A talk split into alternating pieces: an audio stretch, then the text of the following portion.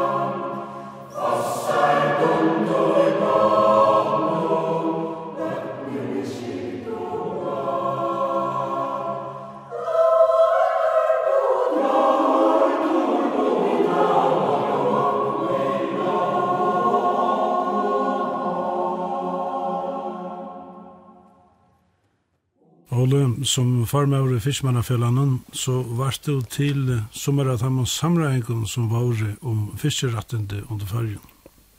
Ja, det var jo sånn at uh, fram til 1970, så var vi altså fullkomne fruktfiskere i alle stedene, utenfor Fjellfjørenkar, Kjøtlund.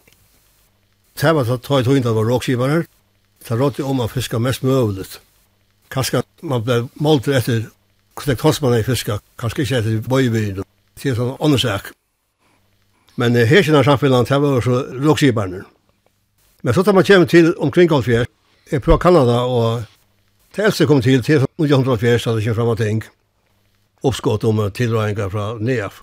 Men tvei disse alt som var nevntner, vi har sett det til at det regulerer fiskskapen av Fruenhavet, og det som kallas for NEAFC, North East Atlantic Fishery Commission, det var estanfyrir okkara løyen, og IGNAF, det var så Vestanfyr, Grønland, og særlig Newfoundlandet.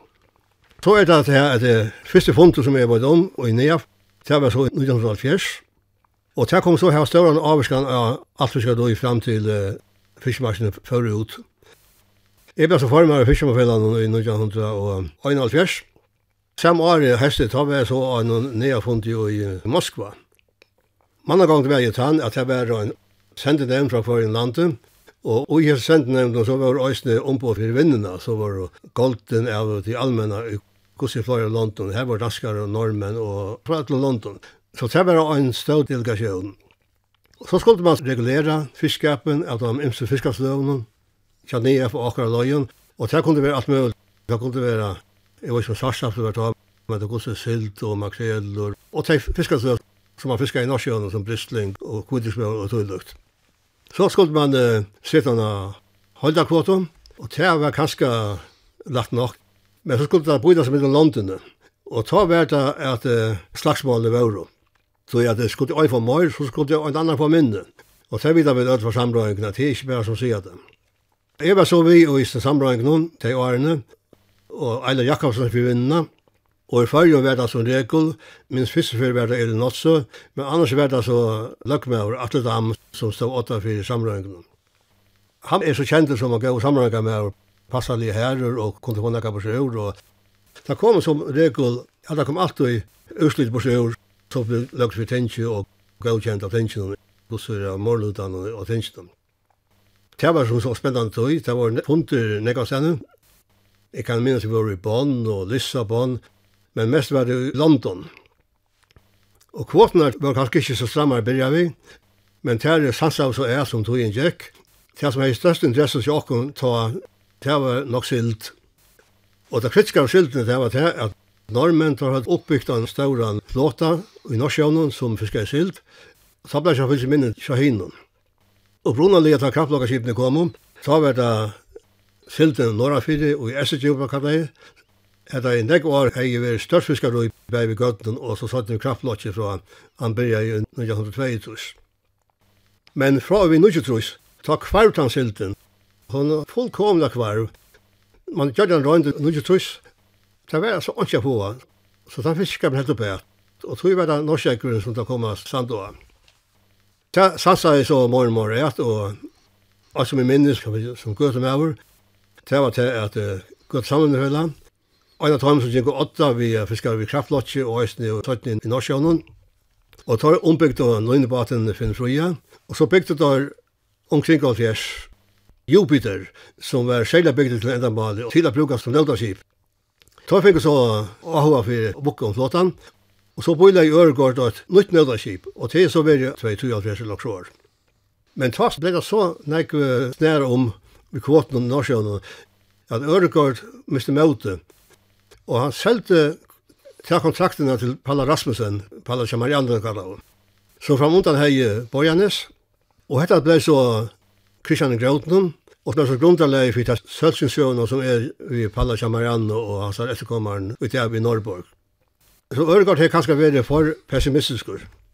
Men allikevel kan man si at, at hans er avrik sender stadigvæk som han står i i Gøtu. Jeg slåss at vi er røyere i jar om disse togene, og han sier til at uh, fram til 6 så var det egentlig trångklitt å få det å genga. Vi er marska av mulighet Men ta var det svarskjaften tukka opp som en bjergjeng. Svarskjaften, det var det som vi opprunalega kallet av for sildaforskrekkjarar, som man fikk i gøttene. Det var svav og fiskar som fløktes inn i gøttene. Og vi har sildaforskrekkjar og så var det ikke sild. Men da silda kvar, så hei altså svarskjaften formera seg holdt jeg utrolig av tulene blei større vinna og er det stadigvæk i førjen. For det første var mulig å fiske svarskjaft, i stedet for det sildene som man hadde skåtna til, Og til det var en av kravene så færre manns, at det fattet vi 18-19, og nå kunne det klare seg vi 2012. Og så ble gjørt av sottmålet, med fiskemanfellet og røyaffellet, som gav hver mann det samme, som man ville finne hvis det var kraftlokker, men som så samtidig uh, sparte røyerne for uh, høyre. Hetta lagt så æsnum underlægja skipnum, og kan grundarlega for en nudjar tog til en av forsøytene at det ble kreppa, men det er så en annen søva. Men ta kom til 1970, ta er det at uh, fiskemarskene ble flott ut av 200 fjøringar, nye av seg, og ikke nakt fikk en nekk minne tøytning. Så det at det ble det jo Kjartan Høydal som ble stjør jo nye av seg vi stod i London. Men ta var det bare at uh, vi regulerer firande stånar. Men 1970, sa, ta i uttog og hva sier største til ansøk og London reguleringsne av fiskskapen og i sin egna kjøkve. Tatt var det om det to varst oppi i alt sjåa flottningsarbeidere fellesskapen ITF-eisene. Det var så at Arne Muna tøy, så ble ITF, da sender for International Transport Workers Federation. til er så fellesskaper av ötlun fagfellene som har vi flottningar gjerne. Det kunne være sjømenn og øyne fiskemenn, togførere og lossere, alt det som var i familie med det. Og her var så fiskemannfellet ble limor i Olsvisten alltid, og her ble det sjåstendige limor. Før jeg ble sjålstendig limer og i fellesskapen, det var så armen til som sier. ITF var så bort oppe i tjejdøylter, til øsken som vi nevnte, og sjømenn hadde en døylt, og fiskemenn hadde så en ære døylt. Og hver døylt hei en formann, og så nattformann, og så ombå for limafellene. Man kan si at det er fiskemenn var at det er egentlig avskipa øsken, Så det aller fleste fiskemenn i verden var ultramenn i så forskjellige bygdene, ofte i menningerlanden, hva det ikke var organiseret i. Så ITF omboa så nesten bare fiskemenn vi blir større skipen, og typisk skip her mennene hadde sattmaler vi og røyere. Det var så ITF-kongress, i alle fundet kjøre hver svar, og ta helt hver seksjonen, og i sin fund, kan man være formen, nassformann, Og nå gjør og fors var kongressen i Florida, og ta ble jeg så valgt til formann. Jeg hadde en tyske formann for en fra, så hadde ikke ordentlig nekker til det vi, og så helt det at jeg som en unge med, at hun kunne være nekker for meg. Og oppgående her, det var så først og fremst å kjipa hundene i Daltonen, det var bare i samband med kongressene og midtenkongressene.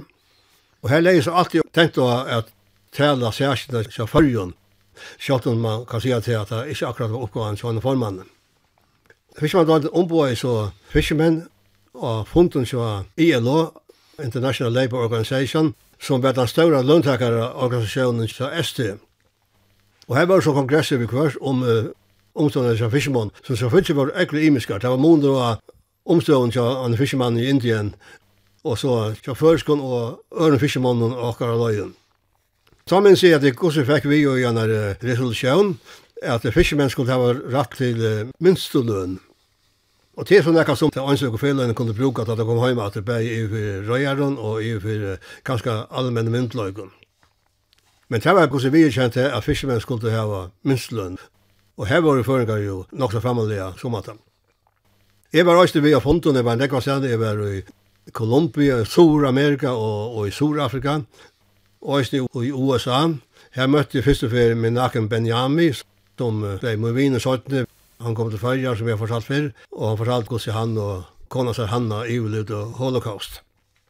Men så var det en av en SD-fond, fiskemann-fond av Vancouver Island, vestan til Kanada, og da vi bor i Vancouver i Kanada. Her har jeg sånne egentlig stortlige oppleving, som er stadigvæk er aktuell, kan man säga. Da kom jeg til, da var Arne Fonde Birger, vi er en unga mann, som var ombå for Kanada, og jeg ombå så IDF. Så vi pratade så, så samman. Han var alltid til at han var, ja, han omba kanalsk fiskevindemål av hunden, og han arbeidde i universiteten i Vancouver og så videre. Og så grått jeg fra at jo, jo, jeg var fra noen adjon ute i, i Atlashavet, som han nok ikke visste noe om. Så sier han, er du ur fyrjon, sier han av føreskon. Og da visste jeg at det var taska, at vi bare var begge skilmenn, og atta er saman tune og i norra Norragøtta. Ta var det Jan Mikkelsen, foreldren sjånen Teivor og Førisk, Jutte som var atta kotta fyrir, og Antfinn som var soner Peter Læraren, som mest kjente for å være lærer i Lorvig, men så var atter av lærsinne og Syrgøtta. Teivor var en ung til Kanada, og de hadde bosett seg i Kittimat, som var en bøyer mittlen Vancouver og Alaska, Det var ute i Tromskånen, hver det framlagde aluminium. Det var høvesvinnene her. Alt mine arbeid så her, og var en av løyende ingeniører, en av løyene her i Negård. Hetta skapte samband okkar av mittlen, og jeg vidtja i deg i Kittimat. Det var en fantastisk opplevelse. De stod seg via mann, en høvding, som kunne samskifta ved djørene, og det tror jeg alltid at han også gjør det. Hetta er så en familie som har gjort Pøyjon Ærum, Alfin var vel omtøkster i Kittimat, og til er Jón Øysnevere, og med anna har han oppfunnet et såkallt fiskakjøl, som var til å velge smålaks. Kanada er det således at det er nekst laksafiskar i begge sjøvnen og avnen, og her er problemet så også til at man fikk for nekka smålaks, og til problemet til kom så Jón Øyna viste oppfinningene som ble virkjent, begge i Kanada og i Alaska. Alfin han virkjent så javnan i Førjen, saman konne, og bøttene vi kvart. Men uh, han tar jo i fjør. Men likevel så kommer han atter i år at vise. Så det er sånn at uh, det har sett at uh, jeg er ferien sånn at vi er i Gøte kyrkje sommer. Han er så brent og brentor i en orno, og tar Gjerarferien i livet i Gøte, så fer han alltid til Kanada å være Gjerarferien. Så det er etter å huske at det kan være en langere Gjerarferien til å holde ben knøtten rundt atter og fram. Men det samme hendte så just det, at hun kom øyne hjem og ble begriven for kaffe og kyrkjø, og ble så flott i ivrigt til Kanada, hver dag bare kom og kvile i sommergrøv. Og et annet problem som vi har i samband med ITF, kom jeg kjenne en indere, Sebastian Matthew, som arbeider for en midtenkjøv av fellesskap for utdragmenn. På noen ganger så gjerne så ber han meg om å skrive noen grøn og tar av blæs og kallet Samutra om fiskedearskipene. Så jeg har hørt om henne, og var avhver og hvordan hun virka i, og det gjør det så øsne. Og helt sammen var så øsne pusset og synsels hjemme treff. Jeg finner noen år siden, tatt at nye at Malaysian Airline slår for i 200 folk ombord, det var 200 folk. Fem av timene var så enda der.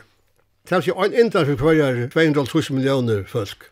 Så visste jeg seg at en av sine enda var sjøri til fellesskapen som jeg skriver seg grønn fyrir. Frambandet kom i hava åpnet samband med mannlukkene, og det var løsne mest samantreff. Men jeg var så formøver her i 2002, og i fiskermanndølene til IDF, i 22 år. Kan godt si at dølene var godt så bedre for da jeg før enn da jeg kom. Men ta hei også bare noen få år etter fiskermannfellan. Det er jo godt så bedre en parste av Hendrikar og Løyve og fiskermannfellan. Og i 1945 ta våre utdrarmenn i verskvallen, og en stor parter av flåtanen han la av havnene. Fiskmanna Fiskmannafella var ikke lottakar i ugis nere verkfallen. Det er så eisne en av de nok så dramatiske hendringene som har vært, og av har vært eisne. Det var sånn at vi pusset sitt ring som jeg har nevnt før, at prisene tar for opp og nøyer, øyne nekve først, Og kvaja fyrir dollaren hakka i, kvaja fyrir ta frusen opp, og hakka i tøymalønne så fa frusen nyer. Det var ikke veldig egna stortlet da det var opp, men uh, minne stortlet ta frusen for nyer. Og ta i 75, vi er nok 74-75, ta var et uh, egna størst frusfall av fiske. Frusene blir så regulera av fyrirafskan enden som ta var, vi fyra limon, tøymen fra Udramannen, mannen og fra Visjonen, og så en formanne, Og det var også nok så dramatisk plussvøld. Ta er det at Adolf Hansen kommer av paddelen. Han er silt ut i stokk, og han er i utrabat. Og han sa til at det kom inn i minne penger i kassan. Så han kipa i minnes i halvt av i, i låsen i havn, fyrir en utrararfunde, hver han malandet ut i jeg grøya fra hvordan uthålland enda søvan var. Det enda så vi at det bestående av til å kalle for megenfellet utdramanna, som ikke er vært til før. Man har haft lokal utdrafellet, men man har ångat i ordentlig funnet til at skipa det i megenfellet. Peter Reiners, han var så landstorsmøver ta i fiskevinnumalen, jeg akkurat ikke vei at han har valgt jo i 4,5 han var ikke finnes av sentrale personer i Øtlesnes som nå kom og hentet. Og åtte hans oppskåten, det var til at man skulle få en skipan som javna i frysene, I stedet for heter opp og nyer som vi har jo-jo, så skulle man ha skipan som hei jauna priser i langt langre tøyaskøy. Ta opp han han grafiska grunnen. Så til alle så var han avrøyga priser, så skulle avsettes for fyra måneder sen. Så var såkallade avrokninga priser, så var det priser som visjen skulle betala. Og så var han jottan, og på 20 millioner, det var nok snakket han, til å regulere vi, så det er at hvis Prøysen annerledes var dyr, så var det i gusset tritja i fyra måneder i sen. Man kan ikke si at nok det kring til rasagrunnen, men det, det kan nevnes her at fram til tåan, ta var fiskar fiskaroi under fyrjon, størst bare toskur og hysa. Men det var nekker oppskudd i fyrjon, og det var kongafiskur. Og ta kommer rasagrunnen faktisk futja fiskerskapen etter ta en bøylig fiskarsløn, som gjør det til lønnsamt og som avlasta i torsken. Det er som så var en annen søvn, men det er parst av søvnene. Men Adolf som var hoppla han, var ikke til fisk vi essa skipene vi rasegrunn, og det var skipa fyrir yldrar verskvall. Og det var så syna seg etter at bata skulle letja inn han løst var finnsin. Og det var det i flere viker. Og så ofte er det at verskvall ikke virkar på en vegin, så må andre tiltak gjerast. Og etter tøy imot det var så at jeg minns jeg hadde blokkado framme for til Føyabanka. Men òsna blokkado av Odjavinnum. Da skulle andre kunne køyre til havna etter Åtjavinnen. Ta var han nevnte, han atle jeg nevnte rasegrunnen sett av Verska, og her var ombå vinda som fyrr, og så var tøy ombå for lastor, og så var han formøver. Og han var akkurat ta Hein Samuelsen fra Halskolan. Og så var det så skulle han avgjørende funnet ved raska nevntene, men Åtjavinnen var blokkeret av, og vi var trutsjer nevntene som var satt i Nesrud. Det var jeg, og så var det Gøtto, Og Torstein Willem, som var vidtja i familien i Lorvig, og så var Hassan Elskård. Og så ringer jeg inn til Grevit Ein og sier, ja, vi kunne ikke ha funnet, tror jeg at det til blokata, og vi slipper ikke til havnar. Jo, jo, jo, det var ikke problem.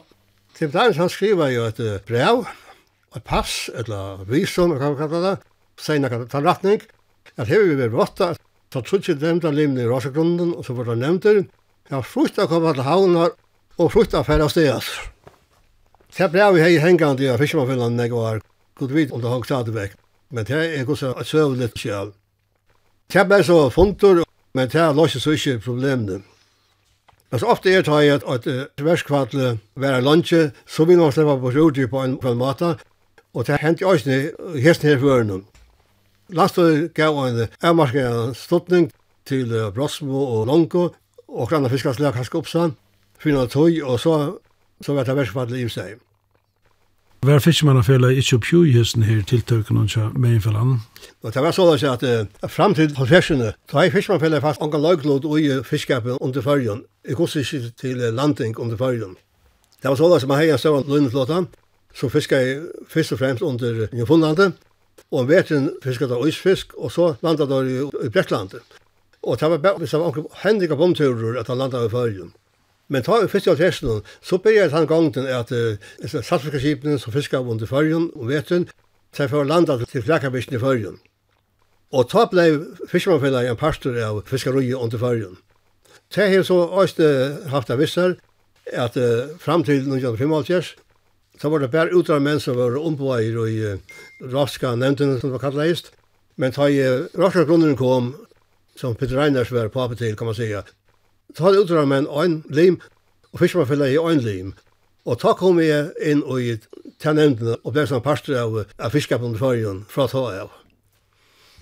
Og i nøkker år var du ferraleier fire nøgrun fyren av Esterlanden og i Øslandet. Det var i 2009. Asviri Lein spurte meg om jeg ikke kunne være vidt at skipa fyrir ferrum til Østlands og i slauen til fiskemånden. Ta vi så fiskeskulen jeg om det sjálfur, til hvis jeg ikke har blitt mer om. Jeg er så oppskått om for det første turen. Og til å være til dem som færa av Bakkafjøren. Her er nekke føringer hadde fisket. Nekke gøtmenn og hadde drevet ut i nekk nekk var. Og det ble sagt om Bakkafjøren at her var nekke føringer at alt hos av først av Bakkafjøren. Og etter årene så fører vi så til Norrfjøren.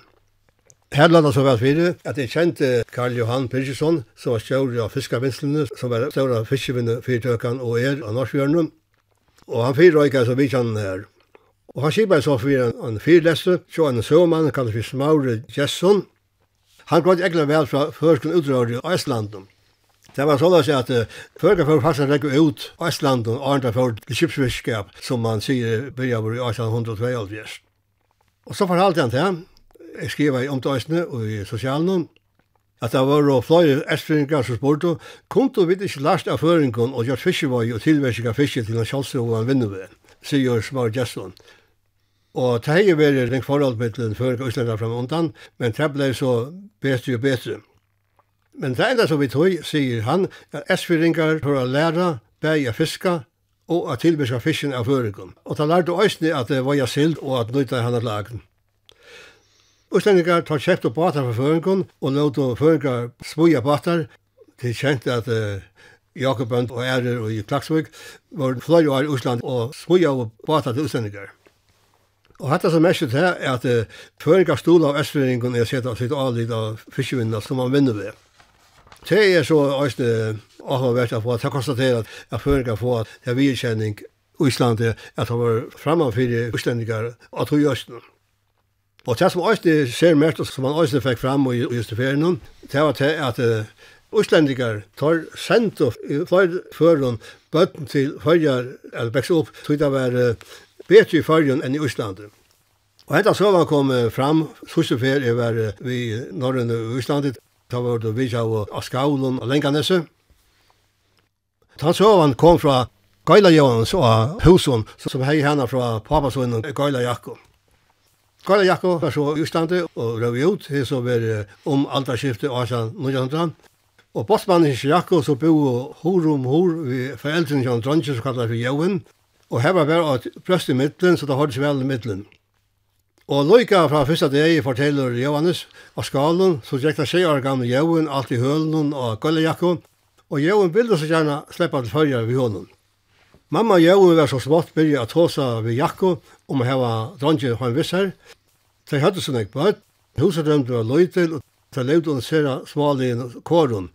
Og de bo i Vestmannåkjen, og var bare kom til skala til Vestøy, lukka som nek er uslendare. Og de ville vi lagt seg tøymon om Jakob ville teka henne dronje Vissar. Kvöld i fire som de skulle færa seg til færger, Jakob, var han båin inn til torra, og det ble borrått fyrir honom.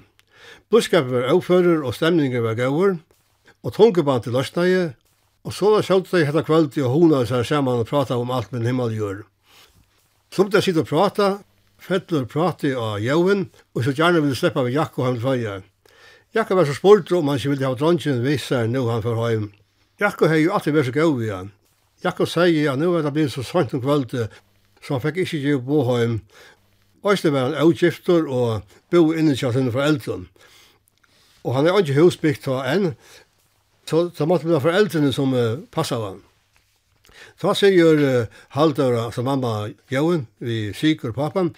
Ja, jeg har alltid sagt det vet du. Du skulle ha sagt det før vi Jakko, jeg har dronjen vissa. nå er det også sånt.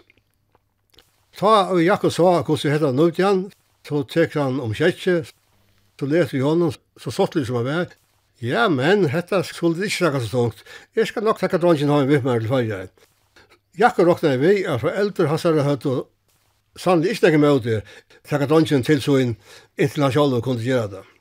Og det hendte så også, og at uh, Joven kom hjem til Førjeren, bosettes av husen, Hon domte vel fra første dag av var. Det var kjørt han tog seg fullkomna først. Han glomte det østleska. Han måtte takka mannen i Sruja Kjekken fyrir, han var så gau vi bød, og en sanne badnaviner, det var Jakko. Det var ikke lagt seg foreldrene at leta jævn fra seg, men hunker er jo vokst svør. Og Jøen, han var så eldste av flere sysjon, så jeg var ikke alt født da Jøen kom fyrir. Sverige. Kåla Jøen kjente det vel. Han var alltid inne i tøymen da han var i Øslandet. Men Jøen sa hva ikke pappa eller mamma natter. Mamman hei så gjerne yngst tog av Jøen natter, Arne Døye. Hun hei sendt på om hetta til å føre skip. Og en av forlauda point 8-4 her det bo, men ta var begge så vanlig at det var ikke til å føre land. Og så var pappa døyer. Jøen blei så kjente skipar i fargen, og døg er langt fyrir til og enn fyrir år gammal. Men hassar at til så teg som øyda Sigurdsson i fargen der, og teg er folk som har vært skjønlig i fyrir samfunnet. Som til døm Terje Sigurdsson som alltid er aktuelle som treningsmæver, og så nekker gvandur. Og hatt er så at døm jo hvordan skaklet til verja få et uslensk til fyrir Samtidig som man gjør det uslensk foreldrene tjeneste vi at geva baden en sikker oppvøkstor. Og til så er en parstans høysk uslensk søvende som uh, ikke har vært glemt. Ja, Ole, vi får komme frem mot enden av hesson sendingen. Men i atla i øren vi djevast er konstatera til at uh, du vart gammal drongur naga lands. Ja, det var sånn at uh, jeg var uh, tjeitet var, og var så gammal drongur, og hei fast sjokta vi nokon øren. Så jeg tog kjart av suttja hvordan jeg kom til hvordan jeg kom til å bort ut i søvnene. Så var det sånn at uh, verset i Fiskmannafjellene, til førte til nekka funter i Tinganese, raska grunnen her er hver vik og, og nekka er. Og ta hittil til jentene som jeg fortalte om, som var født av munnen tølvare før i 1905 Og ta enda er vi at vi blev altså gift. Og det har så vært så fyllt siden jeg av kolveltning om min løyve. Kirsten har vært jo en uh, utrolig stål, og jeg skapt meg inn i halde løvnen. Og samtidig så er min største kritiker, kan man godt si. Så jeg at alt det som vi gjør, det er lukket som hever en egen vei, og leser alle grøyene som vi skriver, og så kommer ikke morgen så fyrig at, at hun sier til, hatt det kan du ikke skrive. Og for jeg akkurat som er, så lort jeg alltid etter henne. Og til så ble vi til at vi da finnes fyra bøtt, Og tre av dem har så familie. Og til begge ødler rundt om åkken i Hanna kommune.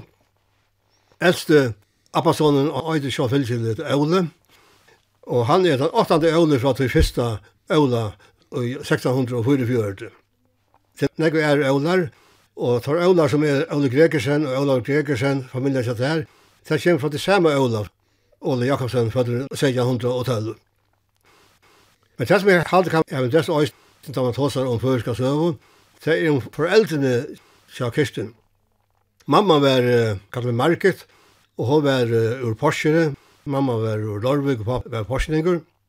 Og mamma hennara, Amma Kristin, døye og nujandra og var av hevhestasjuku. Tjejetredu var gommon. Det var jo nekka kone som døye og hevhestasjuku, tøy tøyene, og særlig Porsjet, Det var tog skoj på några få viker at det döjer flera koner. Vik om vik. og det var så fyllt en ägla døy på tog. Det var så löst då, som det ofta är, att eh, papen, han spavlade under støynden, han var bostur så i konan døye. Det var ikke telefonsamband og nekka som helst. Han visste, visste ikke av nøkron, og han fikk gjerrar, og med gjerrar fyrir er i gang i Porsche. Så sånn at det er skipet som papene vi, at det som vis, sikle for boi enn av var kom natt i Ruslanden. Han er ikke vel glett seg til å sutja konna, samt mot seg, ta i han for land i vaje, og i stegin fer han dessbøyene, og man fer direkta ut til gjerraferien av konna. Det er ikke vel til å være rævlig smøyter for en mann. Det er ofte å ta fyra bøtten, Svira mamma min, hon var 12 år gammel, hon var eldst, og det var ikke en sosial hjelp eller noe som helst. Ja, så måtte hon ta om endan, market. Jeg skipa for husarhalden, i kursi i fløy år inntil onker for onker er sende byggva. Kjærlig som fyllt til at market, hon blei en ekkelig markant kvinna som uh, var rask og hei sina møyningar og tøylukt, som var ekkelig så dyktig henne. Men så er det at market, hon var gift til øyes vi Nikkel Nilsen. Det var så en vanlig fiskemannsfamilie. Jeg bare sier til at uh, til tølv året mitt lokke bæge, men vi er oppvakt i kvarsvinnen atterlige. Jeg vokste opp i Gøto, her var ikke fasiliteter, kvarsi elektritet, eller vese, eller noe som helst. Men hun, hei en pappa som var nek bort og forsett nek. Da hun var født, så var det vi ødlund, jeg kan si vi gjerne, det var en luksus i mån til det, som er vi gjerne vi. Men det var sånn at pappen sylte og sylte, og mamman ordna i alt høyma, og det var fem døtter. Så papen, han slapp egentlig lagt fra høsten arbeidet til han kom hjem til vi seks kone folk i husen, og kunne meg ikke få langt, han skulle gjøre noe som helst. Men så hendte det noe dramatisk da jeg, mamma Kirsten var 70 år gammel, og var så utrolig røsk, og tok til hvordan røsk å være, at hun uh, fikk blåpropp, og ble fullkomlig lamma og æra sjøyene. Hun til omgall gengatter, og visse hånd var deg, Men likevel, hun var så i uheldig. Hun kunne ikke binta, men hun kunne brodera. Og hun sett av ut og av inn og brodera i til førsklæger til de fleste av sine arsan ombøtnen.